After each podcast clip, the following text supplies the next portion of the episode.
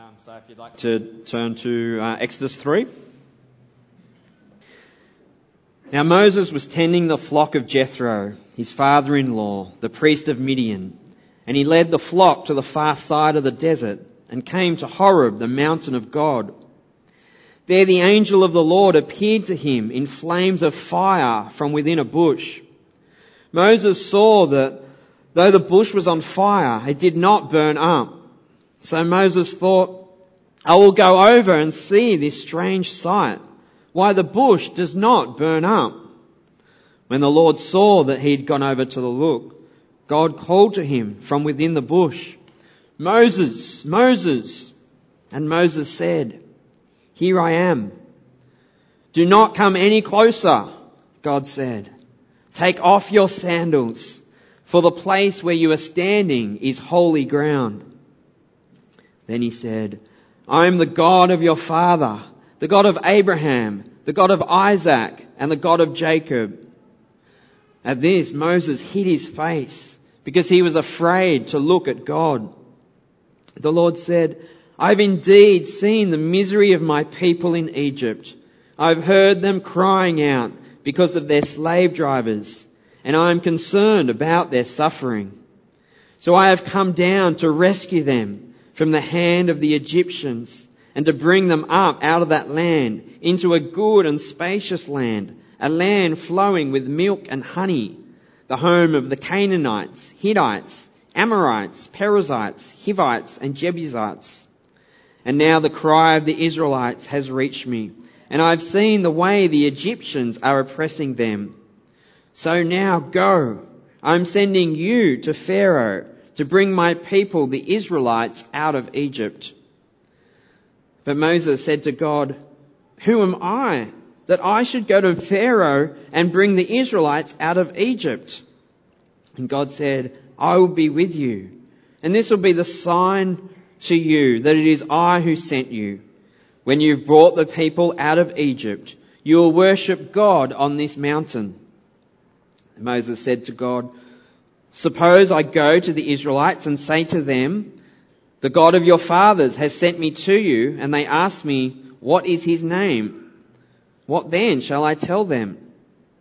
God said to Moses, I am who I am. This is what you are to say to the Israelites. I am has sent me to you.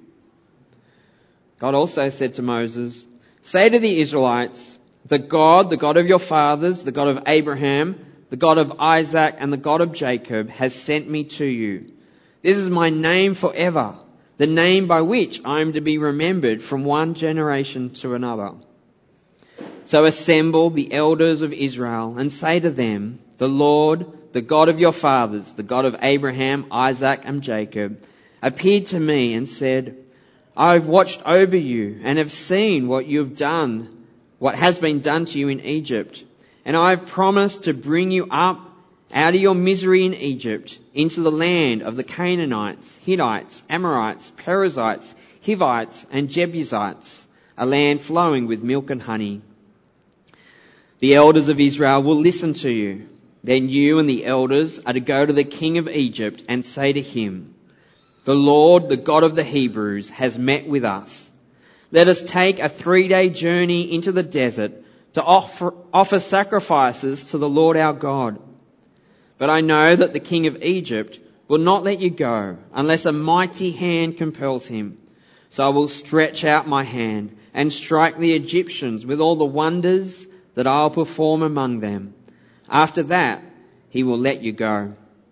And I will make the Egyptians favorably disposed toward this people so that when you will, so that when you leave, you will not go empty handed. Every woman is to ask her neighbor and any woman living in a house for articles of silver and gold and for clothing, which will, which you will put on your sons and daughters.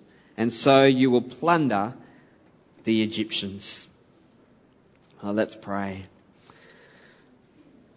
Our loving Father, uh, your word uh, does not return to you empty, uh, but you accomplish what you desire. Uh, so as we look at your word this morning, uh, we come expectant of what you will teach us and show us about yourself uh, and us as your people. Amen. Um, well, in, in Ecclesiastes 3, uh, we, we read this, um, that, that God has put into our hearts, He put eternity into our hearts, yet we cannot fathom uh, what God has done from beginning to end. And every single one of us, there is some sense of God and eternity. Uh, we just know that there is more to this world uh, than we can see and touch. Uh, somewhere uh, deep in our soul, there is a there is a longing for God, and it makes sense if we've been made in the image of God. Uh, Augustine, uh, he said, "O Lord, you have made us for yourself, and our heart is restless until it rests in you." But God is so great. Uh, he, he is so other from us. Um, is He beyond us? He, he is the Almighty One. How, how can we possibly uh, know Him and come close to Him? Uh, sometimes we talk, don't we? We talk of being uh, close to God, uh, or, or, maybe distant uh, from God. Uh, but what, what does that mean? Th- this week, have you felt close to God? Uh, is it even right to talk about it in that way? Feeling uh, close to God or not?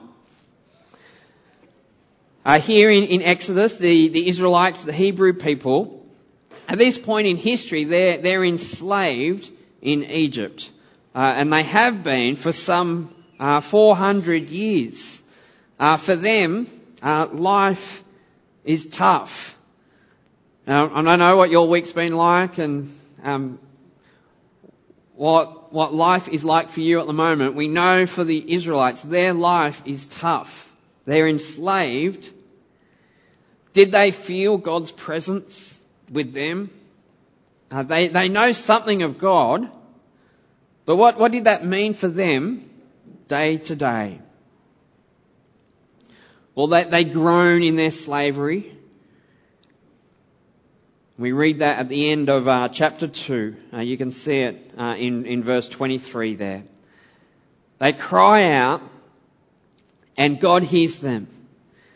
See, God has not forgotten His people. He hasn't forgotten His promises to Abraham, Isaac and Jacob. Uh, he looks on His people, He looks on the Israelites and, and He cares. Uh, he is concerned for them. So as we come and finish Exodus 2, uh, we, we come expectant. Expect, expectant of, okay, well, if God has heard them, what is He going to do? And so as we read Exodus 3, we're thinking, we want to see, okay, well, what is it that God is going to do for His people? So verse 1 of Exodus 3, we read there, we read of, of Moses and he's out tending his flock. Uh, we met Moses last week. Uh, that that story of being being saved and, and drawn up uh, from the, the Nile River, and then um, raised by by Pharaoh's own daughter. Uh, but then he had to flee, didn't he? Uh, when he well he, he murdered, his intentions were good, but he had to flee, flee Egypt He marries and he starts a family. And then we come to this chapter. Verse 1, Now Moses was tending the flock of Jethro, his father-in-law, the priest of Midian. And he led the flock to the far side of the desert and came to Horeb, the mountain of God. Where is it that God brings Moses? Uh, to Horeb, which is Sinai, uh, God's mountain. And then we're told what Moses is not told. Right? We're, we're told exactly what's going on, but, but Moses isn't aware. This is the privilege that we have as the, the hearer or the reader. Uh, we know more than Moses at this point. So verse 2, we're told, There the angel of the Lord appeared to him in flames of fire from within a bush. Alright, we're, we're told what's going on. Moses, he just sees a bush that's on fire. So, what does he do? Moses saw that though the bush was on fire, it did not burn up. So Moses thought, I will go over and see this strange sight, uh, why the bush does not burn up. So it's, it's an extraordinary thing that, that's going on here. I just, just hit pause for a moment. What we're going to do this morning, and if you got your, your outline there, um, there's two, two main points uh, that we're going to see. And I think both are quite astounding. Uh, both speak of, of who God is as God reveals himself uh, to Moses and to us, he, he's making himself known. Uh, but also both speak uh, of us, uh, of, of, people, and how it is possible that we uh, can know him, uh, and not even know him, also take part in what he's doing. So the first one that we see, getting close to an unapproachable God. that's what's going on here. Verse 4. When the Lord saw that he had gone over to look, God called to him from within the bush, Moses, Moses. Now I, I picture here a, a, a parent who, who, sees that their child in danger. Uh, maybe the child is getting uh, too close to the to the road. Um, so what do you do? You, you run after them. You call out their name so that they stop, so that they're not in danger. So here God gets Moses' attention. Uh, he does that.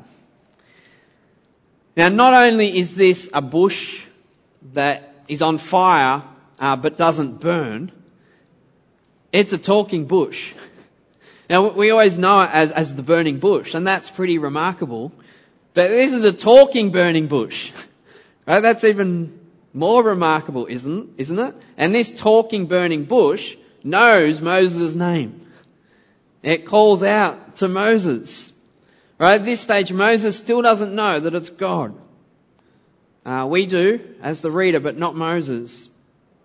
Uh, we're told that the angel of the Lord appeared in flames of fire.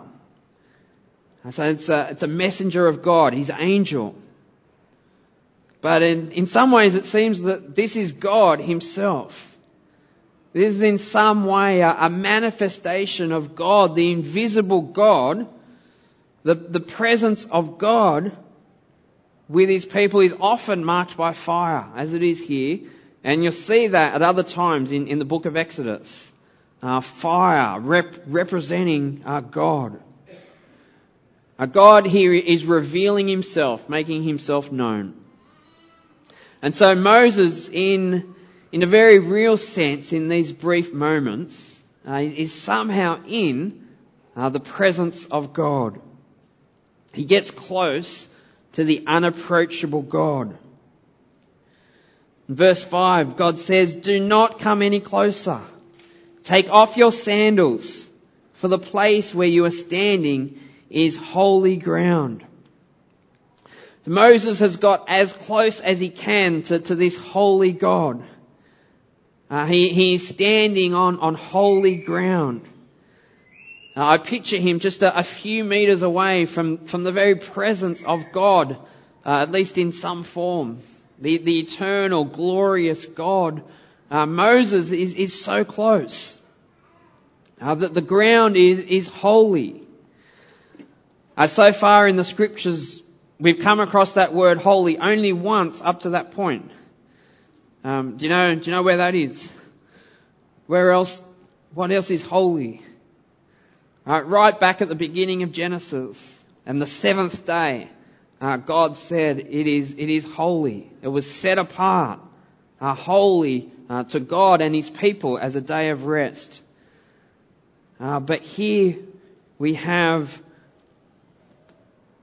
God at the, the talking burning bush and he, he is revealing to Moses that, that he, he is holy. God is holy. Uh, he, he is separate from. He's other from, other than the, the rest of creation because he is the creator. And so Moses needs to keep his distance. He needs to, to remove his shoes as a, a sign of, of respect, a way to, to show reverence, for, for this is God. It's sort of like how you, you show respect to the, to the Queen, uh, but this is a, a zillion times greater. Because this isn't just another great human being. This, this is God Himself, the Almighty. And you know how you, you can't uh, touch the Queen? You just can't do it. You don't do it unless you're an Australian Prime Minister. But everyone else, you just don't do it. Now, Moses doesn't just take off his shoes. He can't even look. Right? He needs to hide his face because he's, he's come into the presence of, of God. And his glory, it's just too great. And Moses, he is not holy. So how do you get close to, to a holy God? Uh, in, in our unholy condition, uh, it's not possible for us to come into the presence of a holy God. Uh, we can't do it. Uh, not, not if we want to live. Uh, it is an awesome thing to come into the presence of God. And so in verse 6, he reveals to Moses who he is. He says, I am the God of your father, the God of Abraham, the God of Isaac, and the God of Jacob. At this, Moses hid his face because he was afraid to look at God. Our God is holy Our God is truly awesome, yet God is also personal. Uh, he is the God of Abraham and Jacob and Isaac. The God who makes promises. Uh, the God who keeps promises. And now he, he's there speaking with Moses. He is the God who, who hears his people. He's heard the, the groans. He's heard their suffering. And now, now he's about to act. And From verse 7 uh, to, the, to the end of the, the chapter, uh, we see how he's going to act, um, which will be our, our second point. Uh, but before we look at that, how can we, how, how can we possibly come close to, to this unapproachable God? Uh, what hope do we have? Uh, or anyone else? or right at the end of the Bible. Uh, Revelation uh, 21. Uh, there, there we see we've got this magnificent picture of the new creation. And in, in part of that vision, there is God present, dwelling with his people. Uh, that is what we look forward to. Uh, and in Hebrews 10, in Hebrews 10, we're told that, that we have confidence to enter the most holy place. How? Well, by the blood of Jesus. It's only by the blood of Jesus that, that He makes us holy. The blood of Jesus uh, takes away our sin uh, so that God sees us as holy. And so we can uh, draw near to God and we can know Him personally uh, as our Heavenly Father uh, only because He comes close to us uh, in His Son. And now His Holy Spirit resides in us as well. Uh, Jesus makes it possible for us to come close to God. but we need to do so not lightly, but in, in fear and, and reverence. for this, this is God. Now, the second thing uh, that we see here, and I think it's just uh, as astounding, uh, taking part in God's plan to save.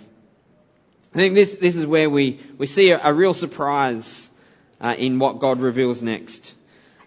Uh, have, a, have a look from verse 7. The Lord said, I've indeed seen the misery of my people in Egypt. I've seen them crying out because of their slave drivers, and I'm concerned about their suffering. So I have come down to rescue them from the hand of the Egyptians and to bring them up out of that land into a good and spacious land, a land flowing with milk and honey. Now there's no surprise there. Uh, God is going to, to save his people. Uh, he's going to, to do something about their suffering. Uh, he cares about his people. Uh, so he says he's going to come down and rescue them. But then comes the surprise. I think it'd be a surprise to Moses anyway. Uh, verse 9. And now the cry of the Israelites has reached me, and I have seen the way the Egyptians are oppressing them. So now go. I'm sending you to Pharaoh to bring my people, the Israelites, out of Egypt. Now I think up to that point Moses would be pretty happy with God's plan. But I think now he might be, wait a minute, what did you just say? In one moment, he, God has said, I am going to save my people. But now he's just said, Moses, go and save my people. Is it God saving them? Or, or is Moses the one to, to save them? Moses is thinking, I can't do this. So he's questioning in verse 11. I, I think that that's fair enough, isn't it? Moses says to God, who am I that I should go to Pharaoh and bring the Israelites out of Egypt? That's a fair question, isn't it? How can I do this? He's thinking, I'm just a shepherd. And you know, right, that I, I fled from Pharaoh, that he's got a, a death warrant out on my life. You know that, don't you, God? And you know that I, I did try to rescue some Israelites once, and that didn't turn out too well. He's probably thinking, God, have you got the right person? I think, I think you've got the, the wrong resume. He's full of fear. And I, would reckon if we were in his shoes, or if we were in his bare feet, then, then we would be just as scared as well, wouldn't we? Well, God says, God says, stop thinking about yourself. Verse 12, he says, I will be with you. Right? Who Moses is, that doesn't really matter. God will be with him. And that is what matters. The presence of God with Moses, that is what matters. Not the competence of Moses. I don't think Moses is convinced though, because he's got a second question or objection in verse 13 He says to God, well, so, suppose I do go to the Israelites and say to them, the God of your fathers has sent me to you, and they ask me, what is his name? Then what shall I tell them? Now Moses, maybe he's thinking, well these Israelites, they're not going to believe me. They're not, they're, gonna, they're not going to believe me, are they? Maybe he, maybe he could tell them his, his encounter. He could tell them, well, I was out in the desert, I, I was watching my sheep, and then I, saw this bush, and this bush was on, on fire. So I, I went across to have a, a bit of a, of a closer look because although it was on fire, it wasn't burning up. And then the, this bush, it spoke to me. And, and it told me to, to come to you and to, to lead you out. Now, what are the people going to be thinking? Are they going to believe him? Or are they going to laugh at him? So he, he wants to know more about God so that he can tell these people about, about God. God answers, God reveals more of himself. Verse 14, God said to Moses, I am who I am. This is what you are to say to the Israelites. I am has sent me to you. God also said to Moses, say to the Israelites, the Lord, the God of your fathers, the God of Abraham, the God of Isaac, and the God of Jacob has sent me to you. This is my name forever, the name by which I am to be remembered from generation to generation. Go assemble the elders of Israel and say to them, the Lord, Yahweh, the God of your fathers, and it, and it goes on. I am who I am. Uh, as, as one person in, in my life group uh, said uh, this week, uh, he is who he is. Full stop. Uh, that should be enough. This, this is God. This is the, the great I am. He is the, the supreme one. There should be no challenge. Maybe Moses wants to know whether God can do it. Maybe he's thinking, uh, who, who are you to, to be able to bring them uh, out of Egypt when they've been there for, for more than 400 years? But Moses can be assured that God is the great I am. Uh, he is who he is. Uh, he is who he will show himself to be. Uh, he is Yahweh, the Lord, the God of Abraham, Isaac, and Jacob. And while Moses might have questions, and we might have questions, uh, we should be okay with not understanding everything. Uh, because this is God. And He is so much bigger and greater than we can, can ever imagine. So what is it that, that God is saying to Moses? He's saying to them, I'm going to save my people and you are my chosen servant to save them. Alright, Moses will take part in God's plan to save his people. The Almighty One, uh, he uses humans, sinful humans, uh, to carry out his saving purposes. Uh, that is how he works. Now maybe it's got something to do with him uh, being being holy, uh, so that he works through through humans to, to reach humans. Now Moses, Moses already tried once and failed. In Exodus 2, he tried, it didn't work. But th- this is the difference. On that occasion, it was all on his own terms. But here, it is God who will save his people. He will use Moses in that saving, but now it is going to be on God's terms. And Moses, uh, he is just a, a, shadow, isn't he, of, of God's uh, ultimate rescuer.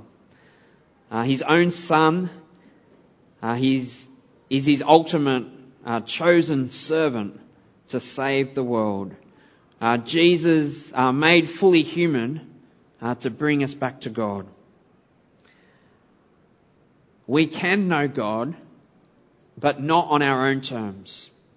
And so many people uh, are, are religious and want to find God, but do it on their own terms. And that's what so many religions are about. What we can do to earn God's favour or to be good enough to be accepted by God. But God's plan to save His people is through His Son. What is it that Jesus says? Jesus says that He is I am. And Jesus says, I am the Good Shepherd. I am the light of the world. I am the way, the truth, and the life. Jesus is God in human flesh. Jesus is the Holy One uh, come to earth. Uh, Jesus is the one, the only one who enables our sin to be forgiven uh, so that we can know God. Do you know Him? Do you not just know about God, but do you know Him personally through Jesus as your Heavenly Father? Uh, I was at a as a I was at a funeral service, uh, a celebration service on on Friday. Um, it, it, went for went for two hours. The, the, eulogies went for for over an hour. A lot of people spoke. Um, there was a, a lot to be said about this man. Uh, he, he died uh, at the age of 71. Uh, for over a period of 10 years, uh, four of his children, all of his children, um, as either adults or teenagers, became Christians. Uh, one by one, in, in various different ways, one by one, he saw all his children, adult children, become Christians. And then his wife. Now he, he always believed in God. He, he acknowledged, he recognized, yep, there's, there is a creator. But he wasn't sure what was happening in his family and how they were talking about how you can know this God personally. You can call him Father. And he was like, nah, that, that is not possible. Right? He, he was not calling himself a Christian. So he read the Bible to show them that they were wrong. And he read it all. And as he read it, he met Jesus and he submitted his life to Jesus a few years ago. So in his 60s, he became a Christian. And then God was able to use him and his funeral service on, on Friday, which was absolutely packed, was able to use his story as a way to, to let other people know about Jesus and the life that we can have in him. See, God still uses us, His people, in saving others today. It's how, it's the biggest way that, that God works. Uh, we can take part in God's plan to save, that others can, can come to faith in Jesus. It might be your next door neighbour, uh, might be a, a work colleague, uh, might be a, a friend uh, that you've had for, for many, many years. Uh, it might be someone sitting in this room. Uh, and God can use you in sharing Jesus with them. It might be your prayers. Uh, it might be a, just a, a, random act of kindness that you do to them. It might be an invitation. Uh, it might be you sharing your life and the gospel with them.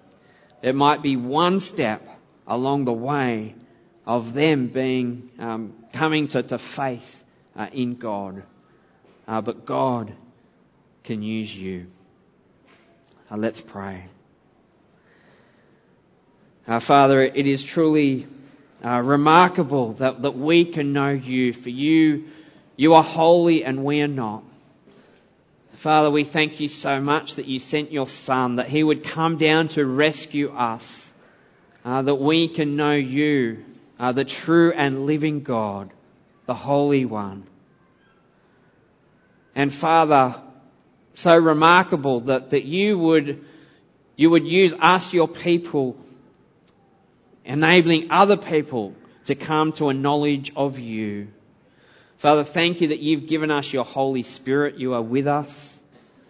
Father, help us to live our lives knowing you with a, re- a real reverence for you, for the Almighty One.